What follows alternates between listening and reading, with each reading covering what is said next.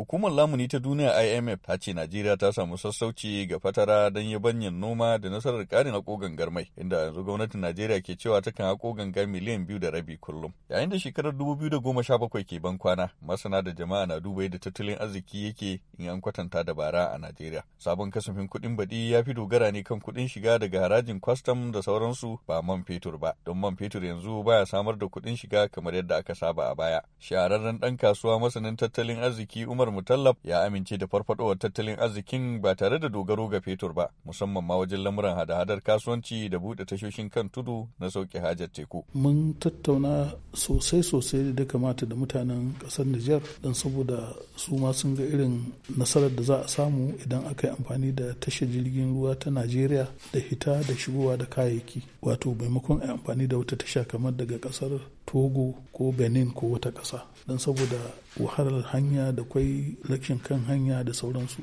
amma in suka samu abubuwa wanda za su iya samun abubuwa masu sauƙi ba shakka za su son su amfani da najeriya don saboda shi ne koma don harshen ɗaya ma. Kuma yawanci ɗabi'o'in mu duk ɗaya ne da sauransu. Ba shakka abun zai taimaka ƙwarai da gaske. A nasa ɓangaren ɗaya daga kwamishinonin kuɗi a arewa maso gabashin najeriya hassan muhammad ya ce ci gaba da rufe kan iyakar ƙasa ba farar dabara ba ce ga tattalin arzikin. Rufe boda ma da aka yi a lokacin da aka yi shi shi ma matsala ne. Saboda dukkan inda aka ce an buɗe boda to yana da nasaba da tattalin arziki na wannan yankin. Yanzu kaman ka je kudu ne ka ce zaka rufe seaports na tsawon wata uku ka gani idan yan lagos za su ƙyale ka ko yan kalaba in kuma ka ce ana so a rufe ne saboda kada a yi fasa kwauri ba a fasa kwauri ne ta wayannan ports din da suke si duka ana yi. Abin da ake so kawai shine yan custom kawai su girmama ayyukan su su yi abin da ya dace su tabbatar da cewa duka wanda zai shigo da kaya ya biya irin duty da ya kamata ya biya. Suna da gaske irin kurakuran da aka yi. Kuma har yanzu lokacin gyara bai kubce ba ana iya gyarawa. Mai shigowa ake da shi da ƙasar waje tacaccen mai. Gani na da ya kamata wannan gwamnati ta mai da hankalinta a wurin gina refinery. In wayannan wayanda suka tsofa din ba za su yi aiki ba a gina sabbi fil. Da zai rage irin kuɗaɗen da ake